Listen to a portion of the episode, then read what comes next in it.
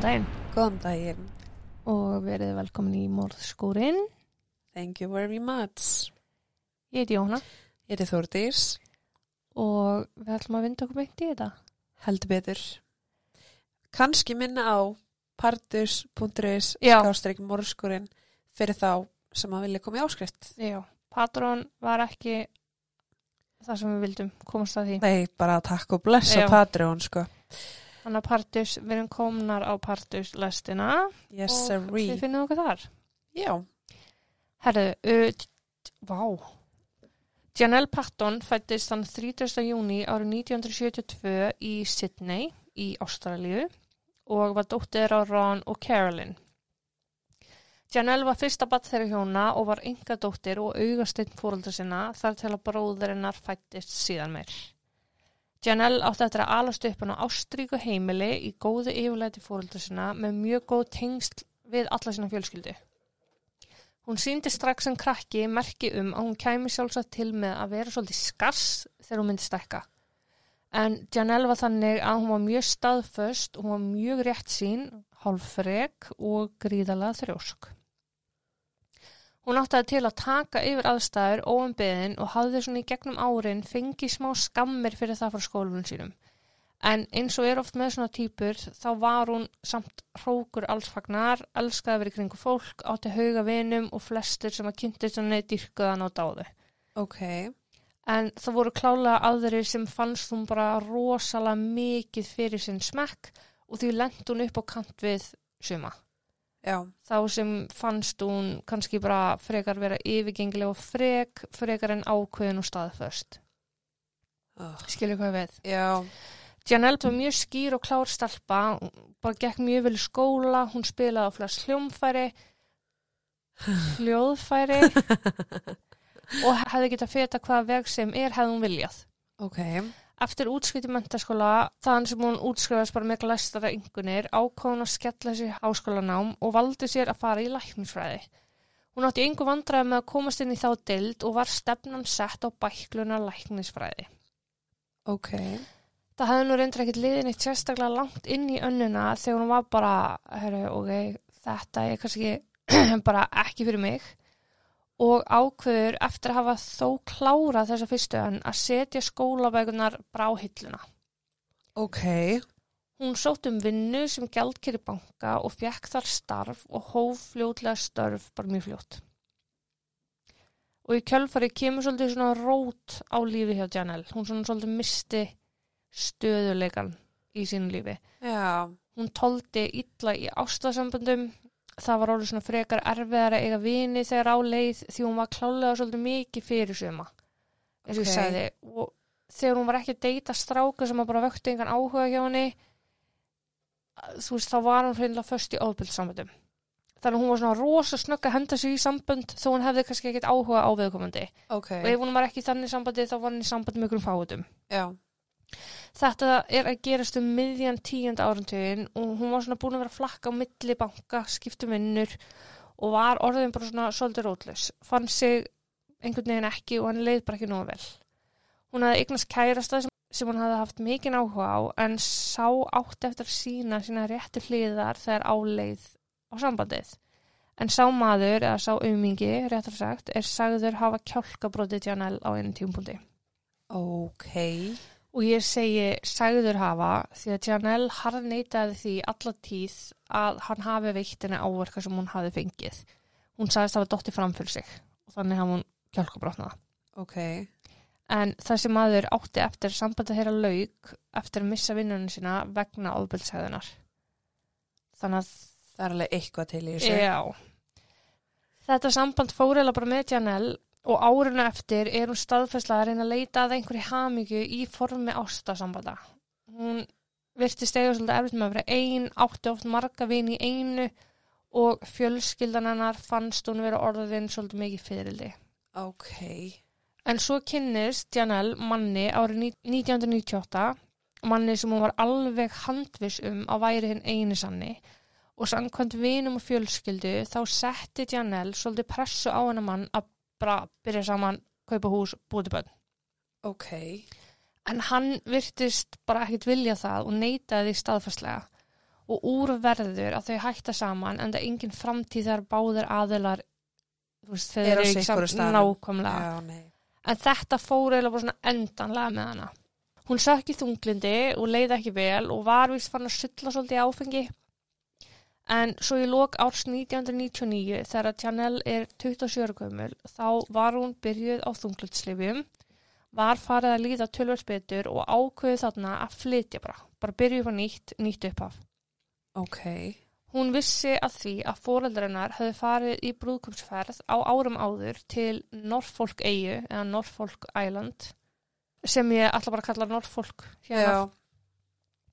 En þetta er sem sagt ástralsk eyja lengst fyrir utan Ástralíu eða bara lengst út á Ballarhafi og er tvöföld heima ei á stærð Ok. en með tvöföld minni íbúa.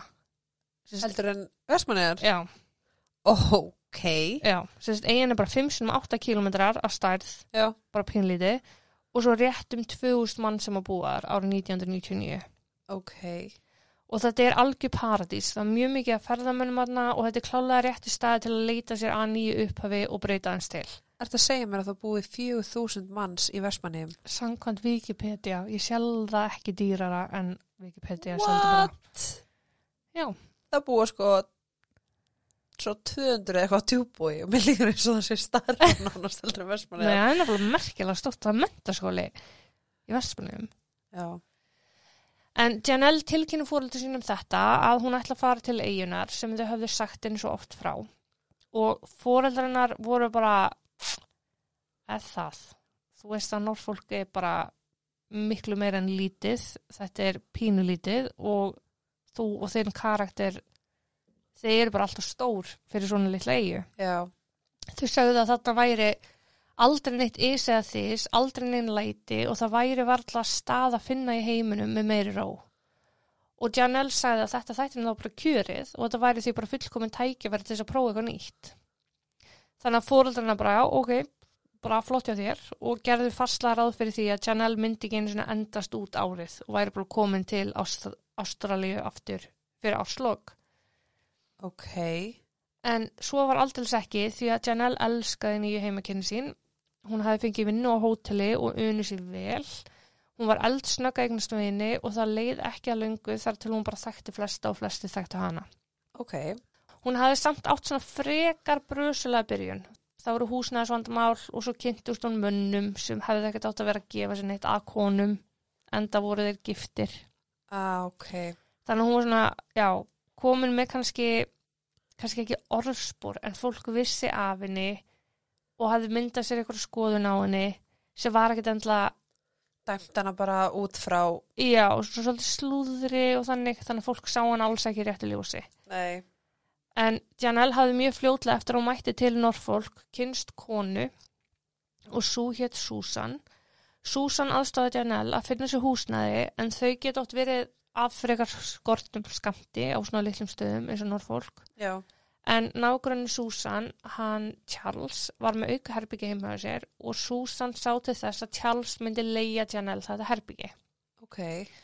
Það liði bara nokkri dagar þar til að Janelle var orðin svona frekar óvinnsæl hjá Charles. Þau voru á gjörsamlega sitt hvori dagskráni í lífinu uh, og Janelle tók lítið tillit til þess að Charles uh, fær á fætusnam á mótnana þegar hún kannski fór sint að sofa Ok. og Charles gjörsamlega þóldi ekki að Janelle var að koma seint heim með læti. Ah, En Janelle hafði líka, hún hafði vist verið að gefa hann með eitthvað svona matarkurs, leksíur og svona gera þetta sem hann átti til og svolítið gleipa fólki í kringu sig.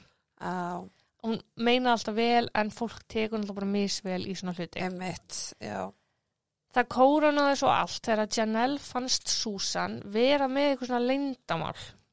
Susan var gift og átti bann með sínum eigimanni en Janelle hafði á tilfinningunni að Susan væri pottið að halda fram hjá eigimannin sínum með Charles. Ok. Og þetta ásakar Janelle Susan Charles um og þá náttúrulega sprakka allt og Janelle var mjög fljótt og öruglega hent út úr þessu herbyggi sem hún hafði fengið leikt. Oh, Þannig að hún svolítið svona raskaðar hún eðna. Janelle fluttið því næst inn á Paul, bróður Charles. Hvernig það kom til veit ég nú ekki alveg en því fór svo að á milli þeirra Paul og Janelle myndast ástasamband. Ok. Paul var helmingi eldri en hún sjálf, ekkill og átti fjöbönn. Þetta lagðist ekkit sérstaklega vel í elstu dóttu Pauls og hún var mjög opinská með að hún kynni bara fyrir eitthvað illa við Janelle. Já. Þetta samband endist í nýju mánuði og eftir örlítið meira flakk þá lóksins fekk Janelle lítinn bústað á leigu hjá konu sem var bara dásamleg út í gegn. Janelle og henni sömdu bara ágætlega og allt leit upp á við hjá Janelle. Hún vann á þessu hóteli, henni leið vel og hún elskaði að búa fallegu eiginu sinni. Hún gekk rosalega mikið, það var bara hennar hugleðsla.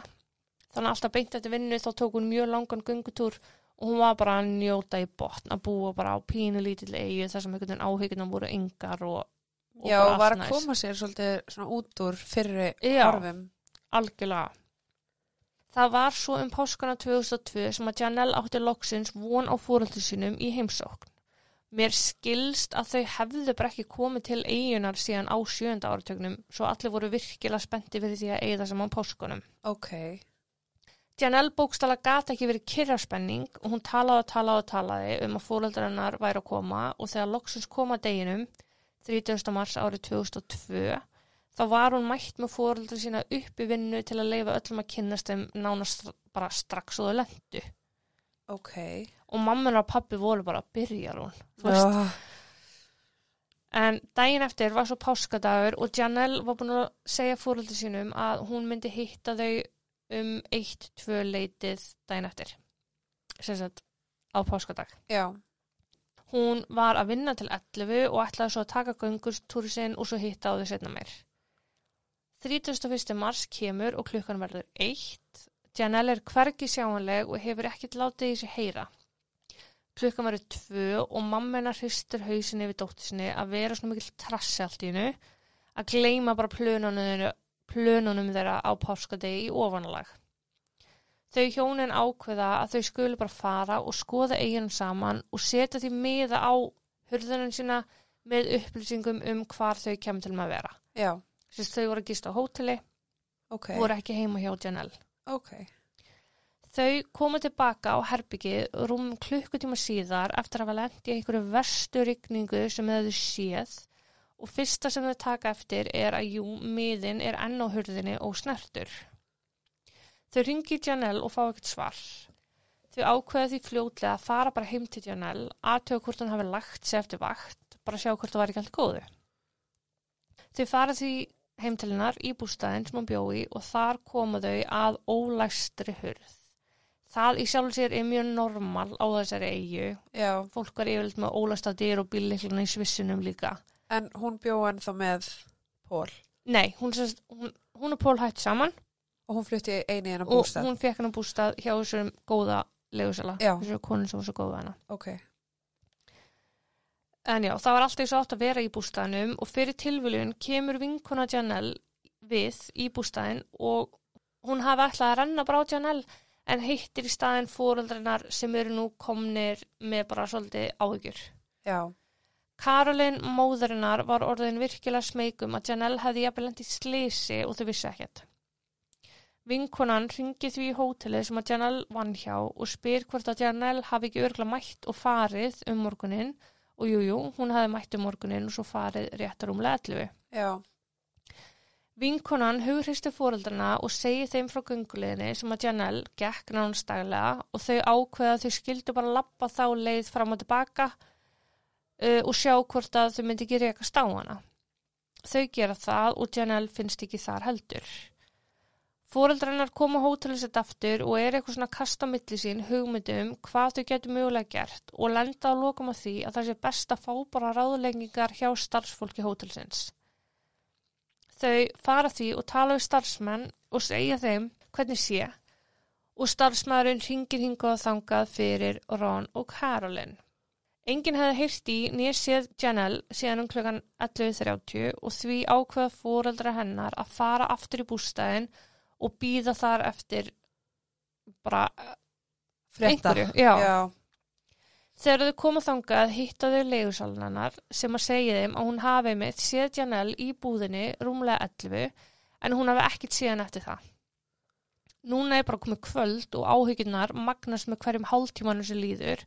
Svo rétt fyrir klán áttum kvöldið ákveðu þau að ringja bara í lögregluna. já, Lauruglan spurði fórra spurninga en bað fóraldarinnar þess í stað að koma rakliðis niður á lauruglustu og tala við sér þar. já, Og þau bara ok, geggjað, þú veist, geggjuð þjónusta. já, við mætum Já, en það sem að tóku mótið var læknir í öllu læknadressinu og þá vissu þau að það væri eitthvað ekki í lagi. What? Læknin bað fóruldarinnar um að koma inn í herbyggjum með sér og ræða hans við sig. Hann sagði þeim að hann sé búin að heyra af því að þau telji dótt sína verið týnda og hann byði þau um að lýsa útlitin hennar sem þau bara gera. Læknirinn segi þeim að hann verði að segja þeim áður en að þau haldi áfram spjalli sínu að líka vungri konu hafi fundist um hálf sex eða tæpum tveimur og hálfum tíma áður og hann þurfi bara því miður að fá staðfest hvort um sé að ræða Janelle. Oh my god, litla sjokki á litla tíma sko. Já, og þau eru búin að vera þarna í þú sólarheng Já, ég myndi þau eru tilkynna dótsina týnda og þeim mætir bara og hún er dáin. þú líkfund veist, Já, ég mynd Læknirinn taldi ekki gáulegt að fóreldrarnir sæju konuna ef hún skildi vera Janelle. Já, Líkið af konunni var enn þar sem það hefði fundist vegna rannsókn málsins og því buðist leigusali Janelle til að bera kennsla líkið. ok Og það átti fljóttu öruglega eftir að koma í ljós að líkið var vissulega af Janelle Patton. Ok, þannig að hún sá síðast klukkan 11 Já. og 11.30 já, var ég 11 í búðinni? Jú, en já, Já. ég kem að þetta Já, ok. Sá síðast þá og svo klukkan 18 mm -hmm, er hún dáin. mm -hmm, Það er ógæslega stuttu tími mhm. og líka bara fundin strax. Á pínu lítill eigu sko En ég meina var hún, þú veist, bara, lá hún bara á- í mold, skilur það. þú veist, var hún ekki grafin eða hva- hvað er að gerast? mm.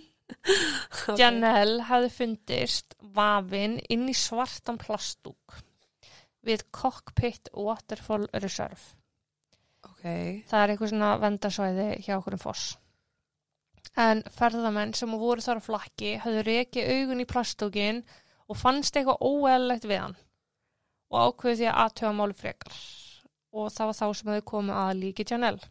kannski lögunin og stærðin. Já. Það fór ekki fram hjá nokkru manni að Janelle hafði verið myrt. Áverkanir á líkamennar voru bara mjög gróður og mjög margir. Stuppbuksunar sem hún hafði verið í og nærbuksunar voru skortnar af henni svo að þær hengu utan á henni og huldu lítið sem ekkert. Sem betur fyrr hafði tekist að fela áverkana fyrir legasalunum sem að sá ekki hversu illa farin hún raunverulega var Ok. Þannig að- leigursalinn sá bara hérna hálft andlit á henni af því að hún láð þannig var með andlitið á hlið Já, þannig að þau leiðinu bara að sjá það en ekki restina sem er gott af því að þegar Janelle var færi til krupningar hún var reyndar ekki í kröfum fyrir tveimur dögum setna þau þurfa pínlítlega eigu já, Uh, þá átti eftir að koma í ljós að hún var með um og yfir 60 áverka við Ísjöðurum líkamann. Hún hafi verið lamin, stungin og skorin. ok. Og það búa 2000 mannsana. Já. Hún hafði hlotið stungusár vísverðin líkamann meðal annars í auga og í bringu. Ah. Hún var með djúpa skurði hér og þar og taldi krupningalæknir það vera eftir einhvað annað en hníf eins og stórt glerbrot frekar. Ok. Janelle hafði hlotið höfuðkúpubrot, nokkur röfbun voru brotin, öklin á henni var úr lið og mjálmagrindin á henni var brotin. Og mjálmagrindin var sko brotin bara á lífbinnu sem, mjög sk- þú veist, Ok, það er sko eins og einhver hafa bara, þú veist, kramið hana Já. með krana eða eitthvað, mm Mhm. bylun. Þetta eru gett eh, svona, já, miklir áverkar. Miklu, svona öfga áverkar alveg. Já, veistu hvað það þýðir? Nei. Ástneik. Já, ástriði glæpur. Jep, kannski ekki samt. Varnasárin á henni voru engu lík. Ertu tilbúin? Voru engu lík. -hmm. Hún var með skurð svo djúpt á milli þumulfingurs og vísufingurs að þumulin hjekk tæplega á. Úi, og hún síndi ábærandi merki þess að hafa reynt að grípa um utanum nýf árásamannsins endutegið. á, með varnasár. Já, þannig mannstu þess að Anita Coppi, Já, þá var næstu búin að skera á henni putana, já, þetta var svona svipadæmið hér. ok. Stungusár í bringu var það sem var talið vera hennar banamein þó. Hún var öll marun og blá og með mjög einkennilega marblett á læri skástri graskinn sem var í læginu eins og M. Ok. Fóreldrar Janelle höfðu þótt líklara að Janelle hefðu orðið fyrir bíl heldur en að heyra hvað raunverulega hefði átt sér stað. Sér í lagi þess að á Norfolk hefði ekki verið fram með morð síðan 1896 eða eitthvað Já, og í dag hefur verið fram með eitt morð í viðbútt á eiginu, já, 20 árum síðar. shit. Þannig bókstala þrjú morð í sögu eigunar. Já, Laurugla hóf rannsókn strax en þar sem að lauruglumenn eru af verulega skortum skamti í 2000 manna samfélagi þá þurfti að kalla inn frá Ástralíu en laurugla embættin þau tala saman og lauruglumenninir á eiginu eru í raun tveir starfsmenn að öllu jafna frá ástralsku allríkis lauruglunni ok. pluss fimm svona eins og við myndum kalla héra svona, Héri? svona héraslauruglumenn Já, þú veist, þeir eru ekki með neitt eigilegt þú veist, þetta eru menn sem eiga að starfa í löggæslu en hafa ekkert lögreglu vald já. en Þetta sem er sagt, bara eins og nýlegar. ekki einu sinni sko Þú veist, ströym, já, ég hef ógeðsla allant í þessu, Já, já. en hérna, sem sagt, Norfolk þótt sé ástralsk eiga, þau eru með sín eigin lög, sín eigin lögsögu, allt hannig Ok. en þau njóta bara aðstöðar Frá Ástralíu. einmitt, Já, en Já, sem sem ég sagði, krupningin hafi til dæmis ekkert verið gerð fyrir um tveim dögum eftir að Janelle finnst að því það er ekkert krupningalæknir og standbæ á eigi þar sem hann nánast ekkert gerist. nei. og þeir eru bara kallaði til ef að tilefni er til. Já, En rannsókn var bara sett í fymtagýr og vettvangur rannsakaður að bestu getu. Það hefði gert úrhællis rigningu þarna um hálf fjögur þannan dag og því miður lang flest sannurgögn skóla í burtu. ah, það er rétt. En, og sko, það er talað um, þú veist, það rignir hann bara frá apríl fram í ágúst, bara svona eins og monsún tímbil. Já, en þetta var bara rigning, enginn hafði séð svona, þetta var bara eins og held væri úr fötu í 15 mínútur stanslaust. shit. En það var talið að Janelle hefði leiðið hana í einhver tíma áður en hún fannst og trúlegast hafi hún hreinlega verið látin bara strax um hátiðspil þann 31. mars. Ok. Í hári Janelle fannst bæði glarbrot og flýsarmálingu, málingu sem að rannsakandum þótti fulljóst að ef þeir fyndu uppruna málingunar þá myndu þeir finna gerandan af því að þessi málinga, Flýs. Flís, eða brot. það myndi bara stemma við eina tegunda málingu. Já, ok. Og á plastinu sem að Janelle var vafin inn í fundust einhver tíu fi- fingraför og nokkur lóaför og engin af þeim var af einum aðila. Ok, voru sérst allt mismunandi. Já, þetta var svona yðnar plastfilma, Já, svona sem að stórt þá- svart. Ógislega margir hafa snert. Og... Já. Já, Þegar ferðið Janelle voru síðan raktar, kom í ljós að hún hefði farið úr vinnu rúmlega 11, stoppað við í búð um 11.15 en þar sérst hún á eftirlatsmyndavlum og svo hafa hún ætlað að taka göngutúru sinn. Og leigu salunar keirir fram hjá henni klukkan 11.30, ok. labbandi. Þannig að klukkan 11.30 sér hann. Sér hún hana. Já, Kona sem hefði verið að keira um með unga barni sitt til að fá það til að sofa hafði líka séð Janelle á vappi um það leiti og hún hafði svo keirt sömu leið tilbaka bara tíu mínum setna því hún var bara að taka ringa til ringa til ringa til ring ok. og þá hafði hann ekki séð Janelle neins þar. Ok. Þannig að þetta er bara tíu mínu rammið hann er rétt um 11.30, 11.40 Já, sem að einhvað gerist. Lauruglan taldi því að Janelle hefði verið rænt og svo myrt og sér komið fyrir það sem hún fannst. og telur þetta sé að gerast þannig bara í hátdeinu. Já, Var hún með áverka um kynfyrslega árið? nei, nefnilega ekki. Ok. Eins mikið og þetta er bendur allt til kynferðisbrots að þá var ekkert því um líkt hana. Þannig að, Það var ekki búið að kynferðslega áriðina neynileg, eða þessi neynintægi. þannig að þetta er bara einhver sem vildi hana feiga Mm Eða eitthvað. eða eitthvað, ok. En nokkri strákar höfðu verið að leika sér á svæðinu eftir ygninguna eins og ég sagði það var bara eins og hefur verið held úr fötu. Já, Þannig að alla brekkur urðu eins og svell. já, Þannig að þeir voru náttúrulega bara óhú, náði ykkur svona bretti og voru bara að láta sig renna niður brekkurnar á fullir ferð. Ég var svo til að hvað? avu, Á.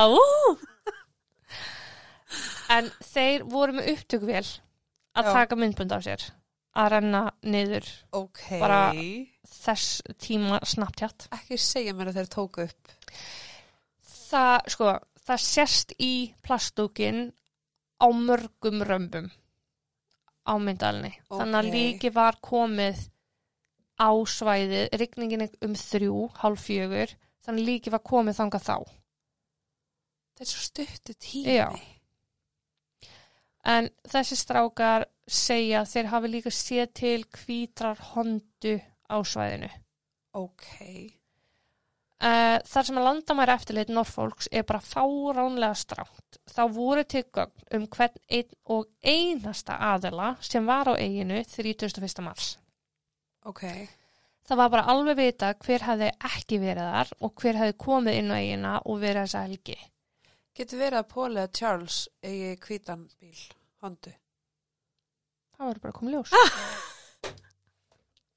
og næstu vikur, að því að sem sagt, málið leysist ekki 1 og 3. Ok.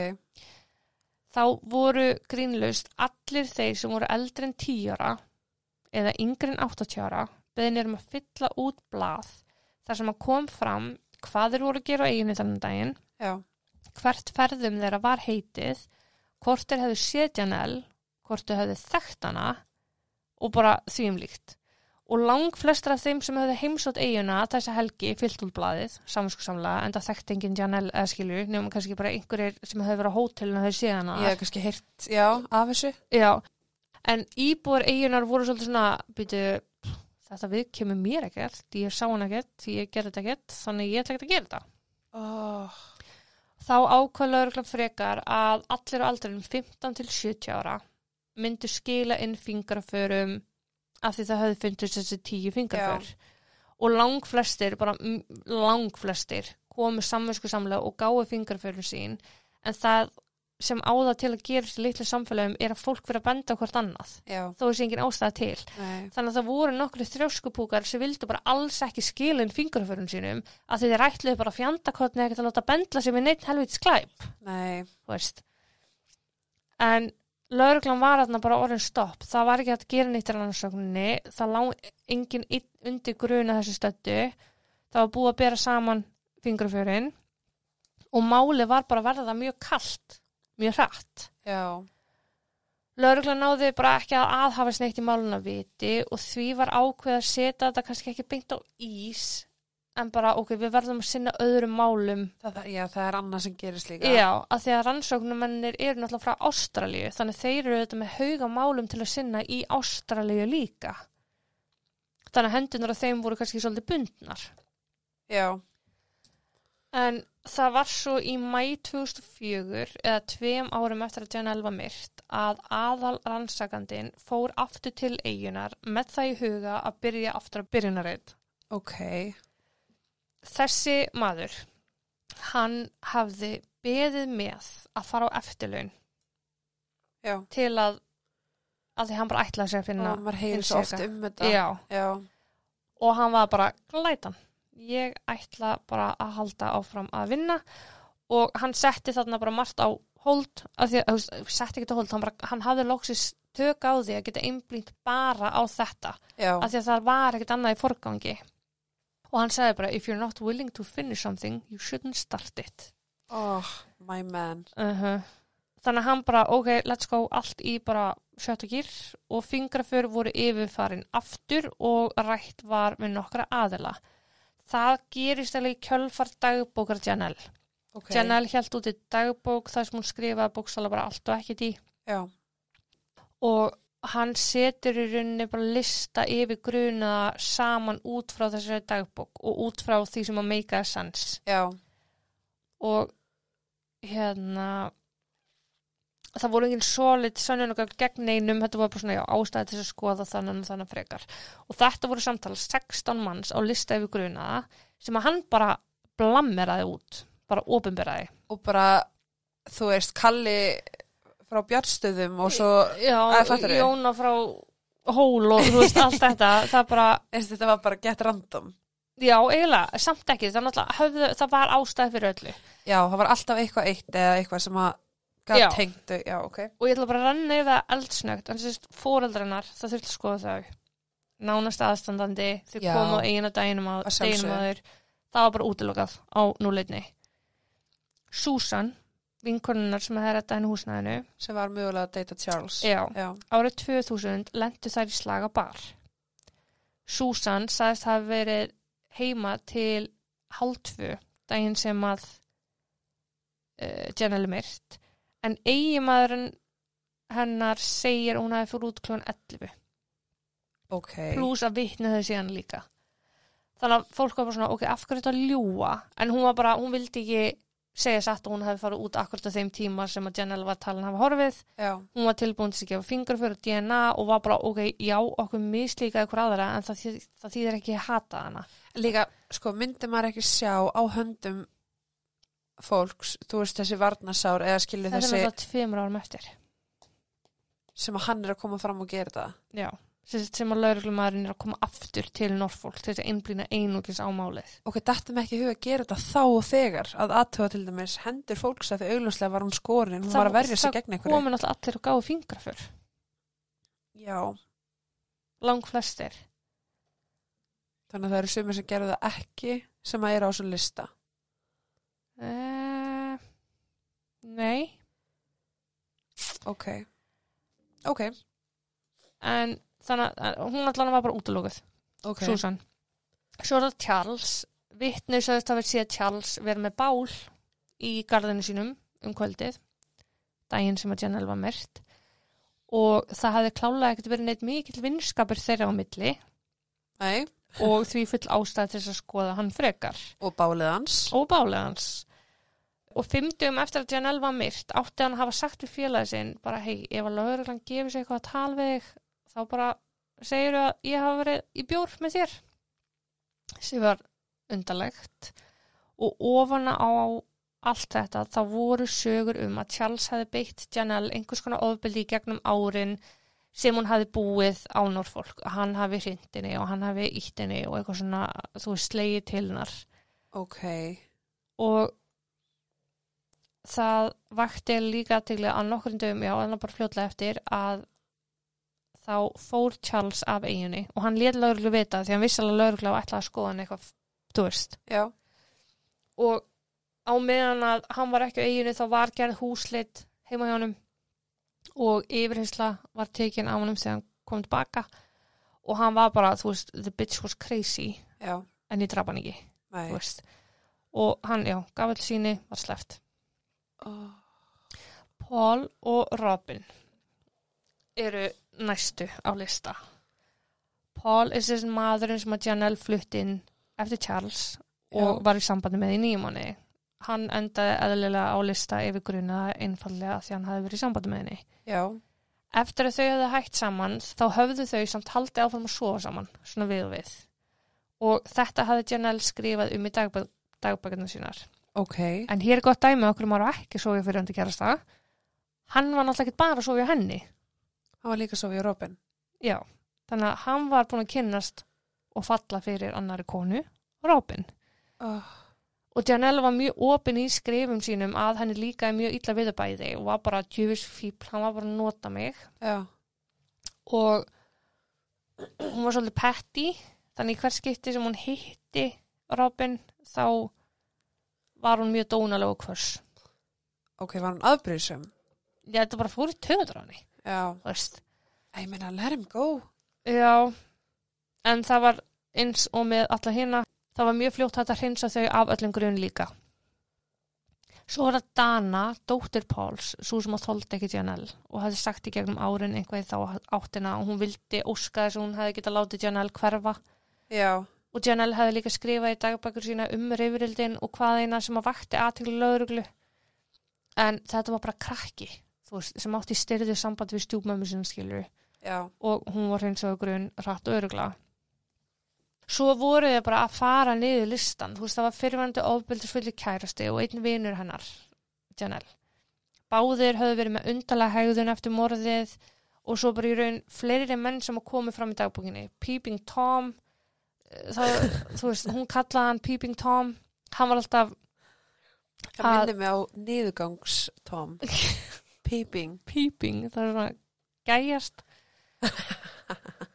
ok uh, en það var sem maður sem að vantaði sæti og teppisbút úr bíl sem hann átti og ó, var hann hvítur nei, ok, en hann myndi heldur ekki allt sem hann hefði gert daginn sem að Janel var myrt og fólk, þú veist, hann var svona með sögu um að uh, vera bara svolítið svona bæjarperrin ok ég skil samt alveg tveimur árum síðar einhver kemur til mín og segir hvað varst að gera á miðugdæin uh, 23. janúar árið 2014 já, það er ekki tvö ár Þú veist, Nei, en samt, ég hef, ég 2019. hef þurft að setja ég hef þurft að vera vittni í máli og ég var vittni fjórum árum eftir ég veist maður er líka bara eitthvað Og- uh, og ég átt að segja nákvæmlega saman og ég hefði sagt í yfirheyslunni fjórum árum áður já þú veist, það er bara, ég átti hryllilega raut með að muna hvað ég hafði, eða þú veist Ég veist, það bara er einmitt rosalega erfitt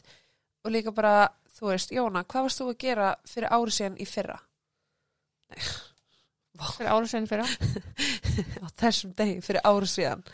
ég var pottið ælandi Já, ég var, einmitt. ég var óld að talju, ég var pottið ælandi Ég veist, maður bara ángríns, ég geta ekki. nei, algjörlega sko En það er kannski öðruvísi, þú veist, það mun kannski þegar þú er búin að frétta af því, bara herðu dagurinn sem að þessi kona lest í bænum. já, Þá kannski mannstu meira, þú veist, það er margir sem mun og hvað þeir voru að tengja gera. það 9/11. við daginn, já Já, en En þessi maður endaði á að gefa fingur fyrr og lausallar mála.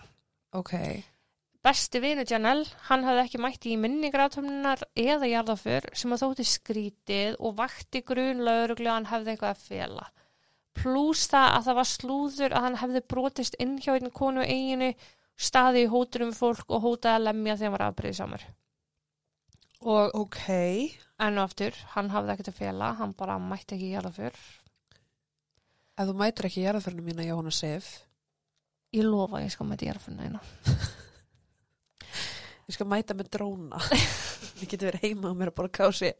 Djó. að það er eitthvað sem ég gefi leiði fyrir þá var það það samt en svo var það maður sem að uh, var skyndilega alltaf mættu þegar Janelle lagðist í solbað þá Ókei. var minn maður mættur að stara á hana Með og- kíkinn. ekki með kíkin, hann bara kom nóg nálagt hann var ekkert Ah. að fela það Ah. að hann væri að Hann með Parasíunni. góða sjón. Já. En hann var endalust og stanslust að bjóða Janelle á stefnumót sem hún afþekkaði í gríðark og var bara, "Hm, takk, samt ekki, þú veist Já. og hann hjælt bara áfram og var farin að hálfpartin eldirhellana undir lokin Oh. og átti almennt sögu um að eldirhella konur. Finnst bara sama kors kyns það er. Mm -hmm. Ef einhver segir nei, mér langar ekki að deyta þig eða nei takk ég hef ekki áhuga. Mm Take it, find somebody else Já, og let it go. ángríns. Þú veist það er bara, mér finnst ég aldrei heyra, ég hef aldrei heyrt að því þegar eldirhellir actually endar með manneskinni Nákvæmlega. fyrir lokum, ég hef aldrei heyrt að svona romantískri sög, já, hann var stolkam hérna í nokkur Nei. ár og í dag erum við gift, ég hef aldrei heyrt það Nei, ekki heldur. það gerist ekki Alls ekki. En svo hérna var annar mjög góðu vinnurinnar Greg þessi, þessi sólbaðskur var þess að treynsar öllum grunn líka. sólbaðskur En Greg besti vinnurinnar, hann talaði bara með raskat hann í byrjun. Hann myndi ekkert hvað hann hefði verið að gera eða brasa og þú veist, hann gati ekki svara neinu sem að lauruglan var Það er- spyrun að. það er ekki sama, mætti ekki gera fyrir hana Nei, þetta Nei. er annar. ok, mætti Og- hann Já, ok, fólki fannst Greg hafi verið reyður út í Janelle vikunar á undan og hann átti að hafa hótað hann einhverju. þú veist, það var eitthvað svona ef þú hættir ekki að deyta allar sem menn þá, þú veist, jari, jari, já Og hvað kemur það honum við? að því að hann var skotin í henni Já, ok, hvað kemur það honum við? uh, hún fannst að koma sér við Ok. en hann var hreinsara grun líka svo voru tveir einstaklingar sem hafðu sérst keira veginn sem að Janelle hafði verið að ganga á þeir voru líka listegu gruna Ok. eitt er að hafði reyndar átt fingrafar á plastóknum en það átti eftir að skýrast að því að hann vann sem smiður Já, veist, ég hugsaði, er þetta ekki eitthvað svona sem er búið að framseljast og svo er margir búin að snert þetta og svo, þú veist, Jú, gefur þetta áfram þangað eða þetta er bara í fyrirtekinu og Einmitt. einhver tekur í. og það var nákvæmlega þannig með þetta að þessi maður var bara með putan í flestum ef ekki hreinlega öllum plastúkum á eiginni Einmitt. á einhverjum tímabúndi En ég meina, er þetta, var þetta eina fingrafarið sem var borið saman við bæjabúi sem að var, útskýringa á já, sko, Sist, er góð eitthvað fleiri, spurning. eru fleiri fingrafyrir á sem dúk það sem að- voru einhver fleiri fingur fyrir já sem að var ekki hægt að ég held að flest hafi verið hægt að samsvara mörg þeirra vo- eh, einhver þeirra voru í eigu þeirra sem fann líkið líka já, en þessi maður, þessi, þessi smiður hann var með skýlus og fjarrvistasönnun ok, og fleiri en einn og fleiri en tveir gott staðfestana já, en af því að það var svona lítið eða þú veist, það var bæði mikið af fingraförum og lítið af fingraförum já, á dúknum þá hjælt lauruglan að gerandin hafi verið að drífa sig ég myndi halda það líka, já, og en þess kenningi þeirra á baku það er það að hérna, hann hafi trúlegast átt þess þeir halda til kallmæður bara út af áverkum og bara hann yfirbúið Já. hana, þeir talja hann hafi átt eiginkonu eða fjölskyldu sem hann hafi þurft að komast heim til og þess vegna hafi hann verið að drífa sig svona ok, hann hafi ekki haft tíma til þess að dunda sér eitthvað með líkið nei, en þetta er einhver sem að átti augljóslega dúkin, já, eða var einhver sem sagði, herði, já, dúknum var stólið hérna frá okkur, já, en þetta var svona bara ómerkilegur plastúkur sko já, ok, En þar sem þessi listi við gruna hefði skila litlu, þá var bara ákveð að byrja að gjör samlega á byrjunarreitt. Skoða fingraförin aftur, byrjaði saman við öll fingraför sem voru til að skrá já, og það var alveg þá sem að boltin fór að rúlla. Ein fingraförin sem hefðu ekki samsvarað við neinn fingraför á sínu tíma samsverðuðist allt í einu fingraförum sem voru í kerfinu. allt í einu, Já. ok, Eigandi fingrafarna var Glenn McNeil. Glenn var upprunlega frá Nýja Sjálandi og hafði flutt til Norfolk árið 2000 með kærstun sinni og hóf störf við að vinna sem kokkur. Hann hafði átt 1984 hvíta, hvíta Honda Civic ah, sem að vakta aðtigli. Hann var jú kokkur með greiðan aðgang að mjög beittum hnífum. já, Glenn hafi verið giftur kærustunni sinni er þess að hann giftist kærustunni árið 2002 en hafði þann 8. mæ 2002 farið til nýja sjálands til þess að fara við brúðkaup hann kom aldrei tilbaka því hann kynntist annari konu giftist henni og eignaðist með henni tvö börn hvernig getur þú giftið tvisvar? hann skildi við henni Ah, okay. ok. og svo giftist hann henni ég vissi, þegar ég skrifaði ég alveg hún á potti þetta er að spyrja um þetta þannig að lauruglan var bara ding ding ding reyndi að sapna öllu sem þau gátu um þennan mann og reyndi meðal annars að hafa upp á bílnum sem hann hefði átt þannig var það þeim bara reglulega í hag að eigin var fyrir að fyrsta pínlítil Já, og helvíti erfitt að losa sig við bíl verandi út á ballarhafi ballarhafi, ballarhafi, Jóhanna, hvað er ballarhaf? maður segir ballarhafi Þú veist, ertu að vinna fyrir orðabók Átna Magnússonar eða? Orðið ballarhaf í merkingunni rúmsjór, hafsvæði fjarri landi. Ok, hann var sérst út á sjó. Ballarhaf. Hmm. Ok. Orðið böllur merkir pungur Einmitt, ég var, eða það er, sem ég, gernalimur. það er að fyrsta sem ég hugsaði þegar ég heyrði ballarhaf. Já, og er ekki ólíklegt að um vægt blótsiði hafi upphaflega verið að ræða. Jæja, þeir voru lengst út í raskat allana. Ok. En bíllinn finnst loksins, hann var að grotna niður á landi manns sem hefði tilkynnt að bíllinn var að finna í honum. Grotna. Rotna. Já, grotna, rotna. Ég heldur bara áfram. Nei, ég verða að aðtjóða svona að þú ert að nekja með okkur. Nekja. Þegið! Er ég að tala við forföðu mína eða hvað? Grotna, ég grotna, við grotnum, hann grotnaði, hann hefur grotnað. Ok, æðislegt. Það Ég, fellur í vannrækslu og skemmist. sko, ég er ekki, ég er ekki að draga því í efa. Ég bara hef ekki anskotans hugmyndum hvað það tala um. Nei, það var bara kennslusund Jóhannu. Æði. Uh, en já, sem sagt, þessi maður, hann, bíllinn hafi verið á hans landi bara í einhver ár.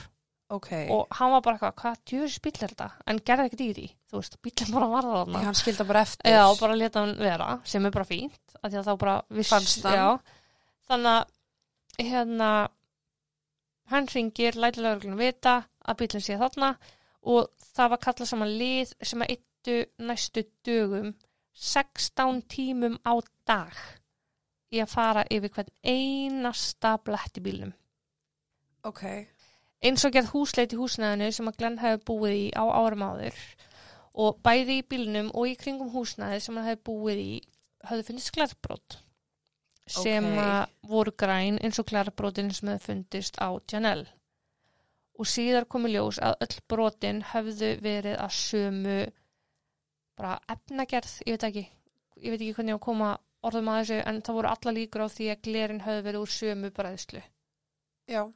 Sömu framleiðslu, bara. Já, en það er talað um sko, þú veist, að gleri var blásið og það hefði hérna ef ég blæs hérna glerkúlu Þá er þetta allt Hún sama, smalast. sama kúlan. já, það Mm, Já. bara veit ég, þú veist Já. Eh, og það kom einnig í ljós að þessi gler voru trúlaust úr rauðvinsflösku af því það var rauðvinsmiði á einu glerinu Hver framleiðir græna ég rauðvísflösku? veit ekki, mjög óheillandi Mjög ósmekklegt, sko, ég myndi aldrei kaupa hana. En í bílnum hefði líka fundist hár, en það sem að flækti málin var að það var enginn hársekkur á hárinu. Það er sérst hársekkurinn eða rótin Já, sem að notar í DNA-rannsókn. já. Í garði glens hefði fundist svartur plastúkur, eins og Janelle hefði fundist vafininni líka. Þannig að núna er þetta bara hægt að vera tilveljanir og fara að vera mjög skrítið og undarlegt og grunnsalegt. Já, Ástæðan fyrir því að fingraför glans hefði ekki stemt um fingraförun á dúknum fyrir en þarna var svo að fingraför glans sem voru til í kerfinu höfðu verið tekin af honum vegna grunnsum innbrott á sínum tíma. og ferðu þá á, á öðru þessi skrá. Já, því að hann var bara ekki, þú veist, hann, það mátti ekki nota þessi fingraför gegn honum af því Í. hann var ekki sigur af þessu innbrotti. Ah, ok. Þannig að, Þannig að mig er ekkert haldið að skrá yfir hann. nei, þannig Nei. að fyrst þegar verið að bera saman fingraför þá var sá gagnagrunnur ekkert aðtöra því það var hinnlega ekki leifi fyrir því. Nei, En varðandi að rannsaka DNA hálsin sem að fannst þá þurfti að leita út á önnur mið. Því var ákveð að hárið yrði sendt til bandaríkina og færi þar undir hvatbera greiningu. ok. Hvatberar erfast einungis frá móður þannig að það var þá hægt að para saman hárið við móður Janelle.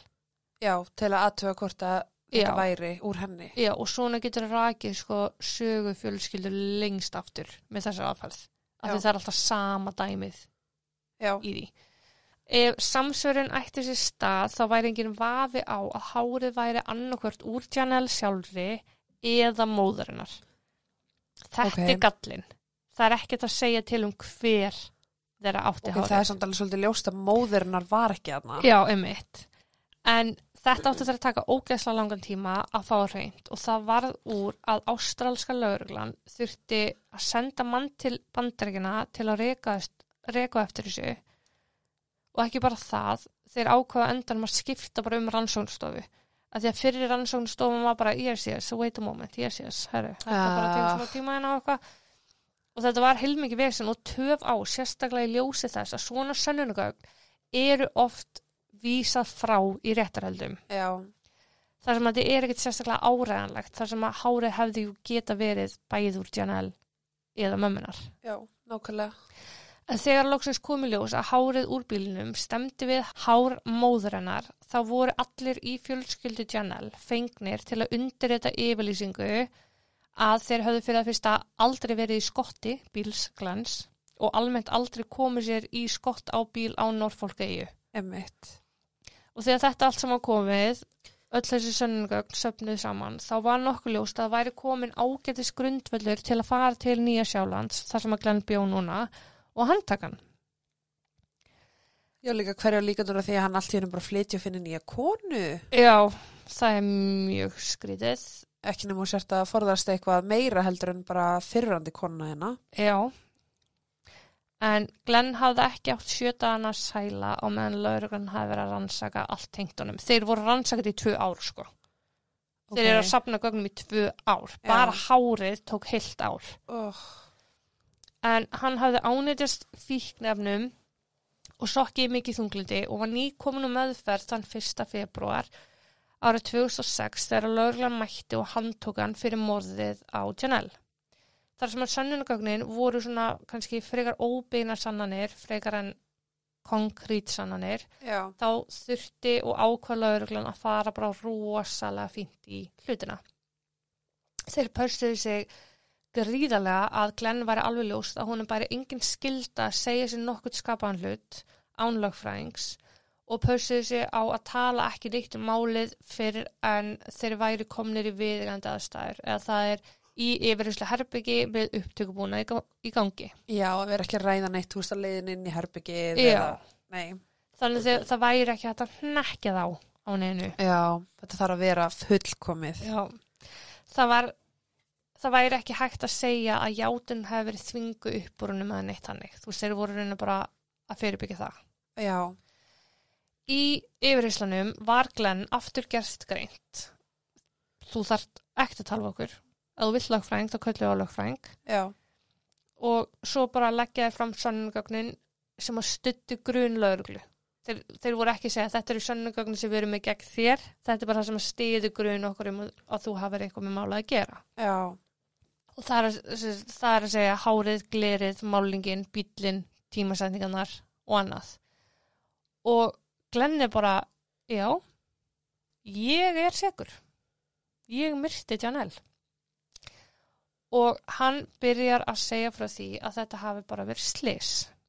Hann segist það hafi verið að keira með frá veginum, hann hafi verið búin að reykja rosalega mikið að grasi og hann hafi verið að keira, hann hafi mist síkartuna sínar, verið að tegja sætt síkartunum þegar að hann svona sveigir út af veginum. Keirir ókei. á Janelle. Ah, Í fyrstu hjáltan að hann hefði klæst á kú eða hund og hann stekkur út úr bílnum og er bara shit, shit, shit, Veit hann ekki þingdamunin á kú eða hundi? nákvæmlega. Ef þú keirir á kú þá situr þú fastur, sko. Hundurinn skýrst eitthvað. mm -hmm. einmitt, en myndir ekki halda að manneska myndir skjóðast eitthvað. Jú, Hann fann hana undir bíl, sagði hann, og panikaði og hún var ekki að hreyfa sig eða gera neinn hljóð, þannig að hann bara gerði ráð fyrir því að hún var dáin. ok, hann datt ekki tög þú veist að færa bílinn af henni. Sko, já, ég hérna... Ef hún var bara undir bílnum hans. Já, Keirir ekki þú veist þá allan aðeins áfram til að, ok, ef ég myndi segja þér að einhver var að keira á hraða og myndi keira á einhvern, hva, hvað heldur að gerist á manneskuna sem er kert á? Heldur að hún skjótast eitthvað til loft þessu hundurinn? það er mjög misamt. Ég held að fara eftir hraðanum og ég held Já. að fara líka eftir, þú veist, the angle.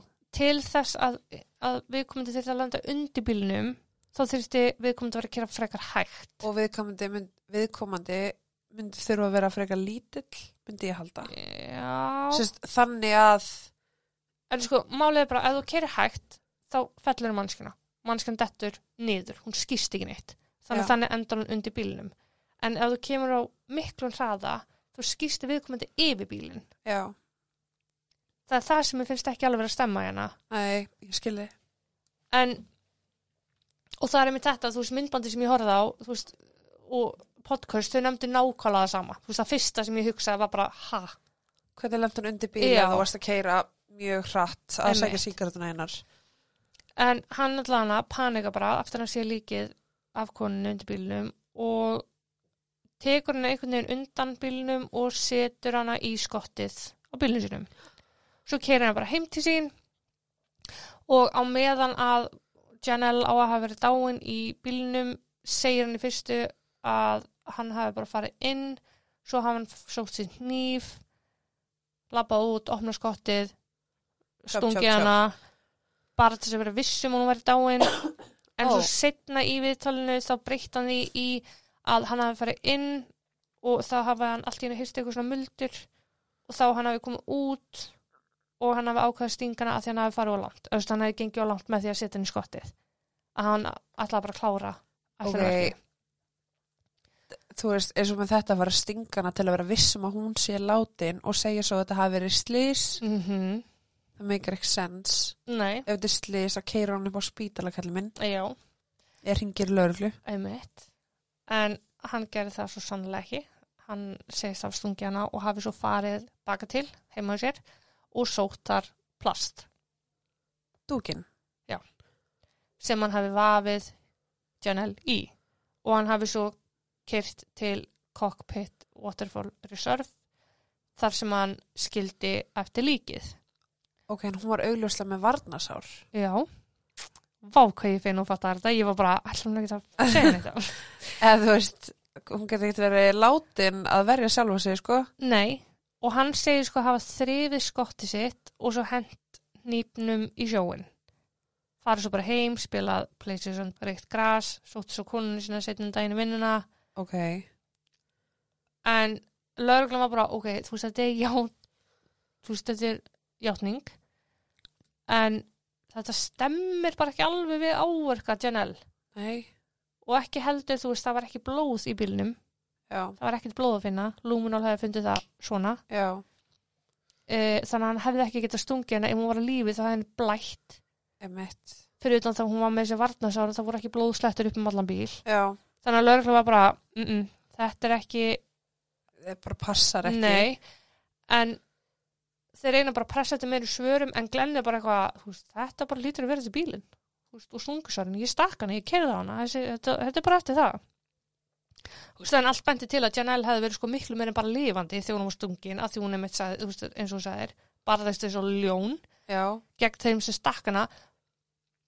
og þú veist það var ekkert blóð ég get ekki hægt að nei, Lægir mér áherslu á ítreka það. já, en þú veist bara stungursár sama sem ekki blóð nákvæmlega nema að stungusári komið eftir að manneskjarni látin já, en, En ef þú hann veist- er búin að segja að hann heyrði hann að muldra þarna og hún var með varnasár þá var hann auðvitað á lífi þegar hún var stungin akkurat þannig að hvar er blóðið mm en lauruglan ákveður þetta bara eitthvað ok, hann er bara að bella sjálfur sér við glæpin án þess að koma upp um sjálfur sér hversu veikur hann er bara, þú veist, við skrifum það bara á að hann hafi verið að gera minna úr morðinu en það raunverulega var hann sem sagt skrifa líka yfirlýsingu og þar breytar hann eitthvað aðeins segir að hann hafi þarna, já, vilja vera vissum hann, hún var dáin og hann hafi hakkað hana þrýst fjórsunum, hakkað hana er hans eigin orð tjóp tjóp Já. Um, og hann segir að ekki á neinum tímapunkti hafa hún bara sinni þetta móti. nei, ok þannig að ef hún var látin til hversu varst að tjópa hana Nákvæmlega. En Glenni flóið til Norfolk frá Nýja Sjálandi fyrir, þú veist, það er að máliði tekið fyrir til að ákveða hvort það eigi að fara áfram eða ekki. já, Það er ákveðið að málið verið tekið fyrir og hann verið ákjörð fyrir morð í Norfolk.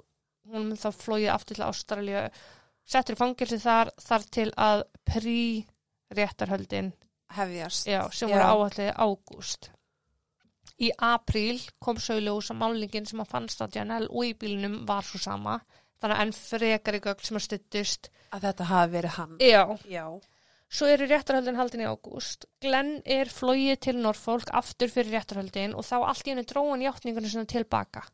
Og sagðist Ó. það hefur verið í andlegu ójabægi og að honum hafi verið þingað til að se- bera hana Nei. segja hana og ekki hægt að taka mark á neginu sem hann hafi sagt hann er ekki ásakur lögreglunum neitt slæmt hann er bara, ég skil ekki mitt state of mind að hafa sagt, Sagt þetta. þessa hluti ok, spes mm og við þessi réttarhald kemur fram réttamennafræðingur sem að sagði frá því að hún hefði fundið óþekkt DNA úr kvenmanni á buksum Janelle sem ætti að vekja aðtikla á þetta DNA hafi líka fundist undir nöglum Janelle kvöldi eftir þennan dag þ- þennan dag sem réttarhaldin eru að þetta eru margi dagar já, kom vinkona Janelle til aðal rannsakenda málsins og sagði honum frá því að tveim-þrem vikum fyrir morð Janelle hafi Janelle gefið sér að tala við hana. Hún hafi spurt hana hvort hún þekkti konu að nafni Alice og eiginmann hennar Glenn. Glenn og Alice. Já, Það er vinkunur spjalla eitthvað um að það sé eitthvað sögursagnir um að Glenn sé að halda fram í Alice. Svo bara, þá með Janelle. nei, bara, þú veist, eru bara eitthvað slúðra, skilju. Ok. Vinkuna Janelle sagðist hafa líka komið að þessari Alice daginn sem að Janelle var myrt út ötuð í því sem að leita út fyrir að blóð. Vinkunan hafi bent Alice á að henni blætti Já. og Alice hafi sagt að þetta væri bara málingan ekki blóð. Ok. Og þessi vinkuna hafi líka sagt að hún hafi heyrt svolítið mikið öskur rétt áður en hún sá Alice svona blóðuða innan gæslappa. Ok. Og þarna er lögreglan bara uh, það er fjögur á liðin, af hverju ert að segja það núna? Já. ert að skrökva, gerur grein fyrir afleiðingum að þú ert að villa fyrir rannsókn. Emitt. Og vinkunan segir bara, mér bara dætt ekki í hug að þetta tvent myndi tengist á einhvern hátt. Ah. Vinkunan setti vitnastúku og hún spurð spjarnar úr en Alice fyrir öndu kona Glens er ekki spurð út í nokkuð hlut og þetta er eiginlega bara að láta kjurt liggja í kjölfarið sem er mjög undarlegt. Já. 1. februar 2007 eru svo áframhaldandi réttarhöld og þetta tekur allt óra tíma. Vörnin vildi meina að ekkert af sönnunagögnum lauruglunar stemdu við frásögnglens þar að segja játninguna frá áður Ok. og þar hefur lauruglun átt að átta sig á að ekki var hægt að taka mark á frásögn og játningu glens. En þeir hafi í staðin bara tekið játningunni og haldið því fram að hann var að gera minna og glæpnum. Í, í staðin fyrir sérst, vörnin hefði viljað sjá lauruglu frekar bara nei, ok, þetta er off, off, Já. þetta passar of lítið við gögnin Já. þannig við getum ekki tekið markað þessu. Alice var kölluð til aftur sem sagt, fyrir um degi einhvern glens og hún sagðist ekki muna neitt, ekki kannast við neitt, það var ekkit óæðilegt við Glenn, hann hafi bara komið heim eftir vinnu þú veist, og það var ekkert um þetta að segja. Og var búið að bera þetta DNA undir nöglunum saman við Alice. Býttu. Ha. Vinkona Janelle var aftur kölluð til. En núna hjæltu því fram að Janelle hefði verið myrt af einhverjum sértrúasöfniði. Ok, vinkona, hætt að tala. Já, og þar með var bara ákveð og hún væri bara óáreðanlegt vitni og það ætti kannski ekki að taka markuninu sem þessi vinkona var að segja. Uh, Hún var bara að kasta fram einhverjum kenningum sem hún hefði sjálf á tilfinningunni. ok. Og Saga Glens núna var svo að hann hefði bara aldrei séð Janelle áður. Hann hefði bara verið heima daginn sem hún var myrt, búið til hátegismat fyrir Alice, fyrir hann til konun sína, farið með matinn til hennar og setið með henni í hátegismat og síðar bara farið heim og sótt konunni sína eftir vinnu og farið svo rúndin. Og þá hefði verið búið að finna líkið og þau hefði frétt af því. Ok. hann hafi svo farið til Nýja Sjálands til þess að vera viðstættur brúðkaup. Þá voru hann búið vinna af gömlum félagi sem hann hitti í brúðkaupinu. Hjónabandi var og brauðfót, brauðfótum fyrir þannig að þau ákveða að það sé bara best að hann sé áfram í, ný, í Nýja Sjálandi. Já, kannski langar mann ekkert að vera Nei, saman eftir að hafa myrt eitthvað. nei. Ef svo var. Hann kynnist á næstu eiginkonu, Shelly og eignarspöld með henni og hann segist ekkert mun eftir játningunni sinni, segist hafa öruglega bara sagt það sem hann taldi lögreglega hafa vilja heyra. Og varandi sönnunagögnin gegn honum, hann segist ekki hafa hugmynd um hvernig það atvikaðist, hvernig sönnunagögnin eru gegn honum í Já. rauninni. Bíllinn hafi hann oft notað til þess að ferja rusl fyrir aðra og þaðan geti hárið hafa komið Ah, saksóknari málaði mynd að Glenn sem hefði komið að Janelle í göngutúr reynd að bjóðinni kannski á stefnumót Glenn hafi verið á styrum og þess vegna verulega skapmikill og hann hafi brugðist illa við neytunni og hann hafi því drepið Janelle á hráttalagan máta en hvernig svo sem þetta var þá var Glenn að lokum dæmdur segur og hún var gert að setja í fangilsi í 24 ár, hvorki meirinu minna ok. Mér finnst það skrítið. Já, byttu bara. Glenn hefur svo samband við rannsóknarblaðamann innan úr fangelsi og breyti frásögnin sinni. Aftur. Hann segir frá því að hann hafi ekki drepið Janel, hann hafi vissulega komið líkinar fyrir en hann viti hver myrtana. Var það Alice? Hann segir að fíknefnarsali sem hann verslaði reglulega við og eiginkona hans hafi myrt Janel. Af hverju veit hann ekki en segir að trúlegast hafi það verið út af því að það var orðrómur um að Janel hafi verið uppljústarari fyrir lauruglu. Það er engin rauk þar og laurugla myndi hvort er ekki gefað upp að svo hefði verið. Nei, En að fíknæmnasalinn hafi komið heim til hans með látum eftir að hafa komist að því að Glenn hafi stólið af honum grasplöntum. Hann hefur sagt að Glenn myndi greið upp skuld sína með því að koma líki Janel fyrir. Hann hafi ekki vita hver þessu kona var eða neitt slíkt. Eftir Eh, að fylgja. ok, fyrirgeðu. Alice og fíknefna salin á einhvern hátt drepa Janel. Glenn kemur og fíknefna salin segir, herðu, þú skulda mér, þú rændir að mér grasplöndu. Alice og Glenn eru gift. Já, Já. já, Glenn kemur heim. Al, sagði ekki að Alice og fíknefna salin höfðu myrt. Nei. Að fíknæmnasalinn og eiginkona fíknæmnasalans. Make a sense. Mm Ok. Get it now. Já, sérst að fíknæfnasalinn hafa komið konu sinni heim til glens, Já, Bara og láta hann gamli, fá þú stólst það með plöntum, stólst. þú stálst það með plöntum, takt þetta líki hérna, mér er alveg sem að hvað þú gerir við það, ég vil bara losna við það. Ok, Og þá ertu frýr, ef þú ekki gerir þetta, þá drepi þig og konuna hérna, þú veist. ok, Hann segir að hann hafi verið hönskum þegar að hann tók lík Janel af palli pallbíls fíknæfnasalans og vafði því inn í plastdúk sem átti þá að útskýra af hverju svona fá fingraför frá honum höfðu verið á dúknum. já, en af hverju hefði þá verið yfir höfuð þú veist þetta var náttúrulega til heima hjá honum einmitt. en hann hafi sig að grafi þessa hanska á lóðinu sem hann bjó á Ok, það sem meika sens í því er það að það var ekkit blóð í bílnum hans ok, áverka Janel voru rosalega miklir og fólk fannst frekar furðulegt að það veri talið að bara ein manneski hefur að verki já, fingraförun og fá á dúknum til þess að meiki sens að þetta hafi verið glenn já, Og Janelle var klálega þekkt fyrir það að vera með óbeita fíknæfnum og fíknæfnum sjölum. Og það var þessi orðrómur um að hún væri upplustrari. Af því hún þekkti allt og alla og hún væri sérst að láta lögreglu vita ef eitthvað hefði verið. já, mér finnst samtalið make a sense, þú veist að tveir hafi verið að verki, þá ein konu og einn kallmaður, Mhm. vegna þess að einn yfirbör og svo er hún Mhm. með DNAð undir fingrunum, Mm -hmm.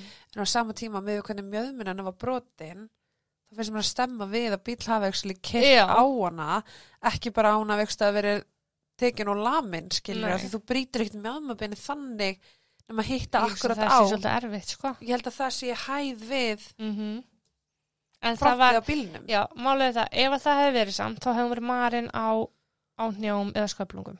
Það var ekki, Það var ekki. nei. Ok. að það, þessi hérna rannsóknar lauruglumæður, nei rannsóknar fréttamæður, blaðamæður fyrir ekki, hann tók öll gögn, lit, vinnaði öll aftur Ok. og hérna þar einmitt segir krumninglæknir frá því að þetta er svona bæði, þetta gæti verið eftir einn mjög starkan eða þetta gæti verið eftir tvo. Ok. Og það er eins og henni hafi verið veitt þessi áverkar og svo hafi verið kyrt yfir hana Eftir og hún hafi það. leið og það hafi verið kyrt yfir hana. Já, ok. en það, þú veist, það, það kom manneskjur kviðdóm sem hefði setið í kviðdóm fram og sagði að allir hefði vitað að Glenn hefði ekki verið segur en hann vissi hver var segur, vildi ekki segja hver það væri þannig að ef einhver ætti að taka sögina þá hefði það þurft að vera hann og því hefði allir ákveðið að hann væri segur Ok. og lögreglan fann fyrir miklu þrýsting að endur opna máltjanel sérstaklega í ljósi þess að rannsóknu lögreglumanns Já. rannsóknan bladamanns sem að lét lögreglu fá all gögnin Já. og það var árið 2011 en þeir harneita Glenn hefur fengið að veita lauruglu uh, nöfnin á þessum fíknamnasölum og, eða fíknamnasala og eiginkona hans það er búið að gefa upp staðsendingu þessa hanska en þeir fundust aldrei Ok. þannig að þeir neita að opna mála aftur segja bara að sé engin grundvöldu fyrir því Ok, en var, var ekki DNA undir nöglunum? það var ekki aðtöða En af hverju er ekki búið að bera það saman við þessar tvær konur, þessar tvær eiginkonur? að því að lauruglan segir að það sé bara ekki hægt að því að vinkunan hafi rústa þeim möguleika með því að koma með ykkur samsarikskenningar við réttaröldin að Já, en- þá sé ekki hægt að bendla Alice við þetta Ok, en sko skýtt með vinkununa og hvað hún segir, en ef að Mhm. maðurinn er dæmdur segur og þú finnur hvern manns DNA, þá finnst mér þú ættir samt að mega aðtöða. -hmm. að því að maðurinn þinn er sigur þetta væri annað ef Alice væri bara einhver konundu bæ og já, einhver segir eitthvað skiluru klála en hvort að DNA hafi verið tekið af eiginkonu fíknæmnisalans er ekki vitað og lauruglan kemur ekki til með að segja neitt frá því af því það væri náttúrulega open rannsókn ef svo væri Var það að segja mér að það var engin dæmdi fyrir þetta og þetta er óupplýst Nei, Glenn situr í fangilsi fyrir þetta. Málið er bara lokið í þeirra bók og það skal bara standa svoleiðis. Þó Ókei. þetta sé miklu meira skrítið en fyrirlegt. Og það er einhver kona sem að er að komast upp með skrækin Það er ljóst Já, ég held það. Við að við að það sé Með við fingrafyrin DNA og með og allt við að þannig. geta verið já, tveir nákvæmlega. En málið er búið, sko. Það er ekkert meira, ég hef ekkert meira að segja. En þetta er alveg stór fyrirlegt. En Glenn skeit með því að segja ekki sattur rétt frá, frá upphæði. Já Þannig að, Hann skeit með því að þegar hann kerði á hana já. innan um gæsalappa þá skeitar með því að fara ekki bara með hann upp á sjúkrahús Já, nefnilega. En ég held að hann hafi ekkert kert á hana. Ég held að þetta sé rétt að hann hafi verið fenginn til þess að færa líkið. Ég bara Og ég held að DNA-ið sé af eiginkonu fíknæmnisalans. DNAð Já, frekar en af alls.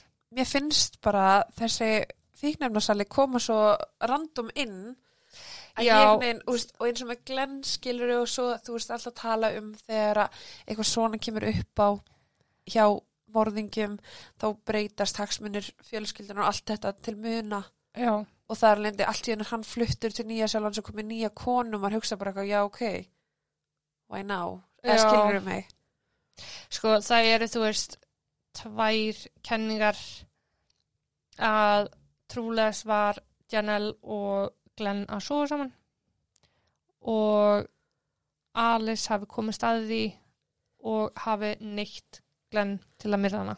já, bara hei ég er kona en þú gera sem ég segir Já, og svo þegar hann fekk tækifærið þá er náttúrulega bara komin ekki tilbaka frá Nýja Sjálandi. nei, Og svo er bara náttúrulega að tala um hvað þetta var óbúslega persónulega árus með því þú veist, hún er stungin í fokkin auga, sko. já einmitt Það er rosalegt og hún er ekki kynferðislega misnotu, það er eins og ykkur hafi verið bara óbúslega reyður út í hana. Já, En ég er bara konu eða hvað, ég get ekki ákveðið og þetta M-merki sem var á raskinn skástrík lærin á henni, já, það hefur ekki neitt fundist sem að stemma við það annað en að merki úr mastabíl helmingurinn af því gæti stemt við helmingin af eins og það hefði það verið kyrt á raskatani en hún, nei hann Glenn átti ekki möstu, Nei, Þú veist, hann átti hondu þannig að það er Ah. stór munur á þar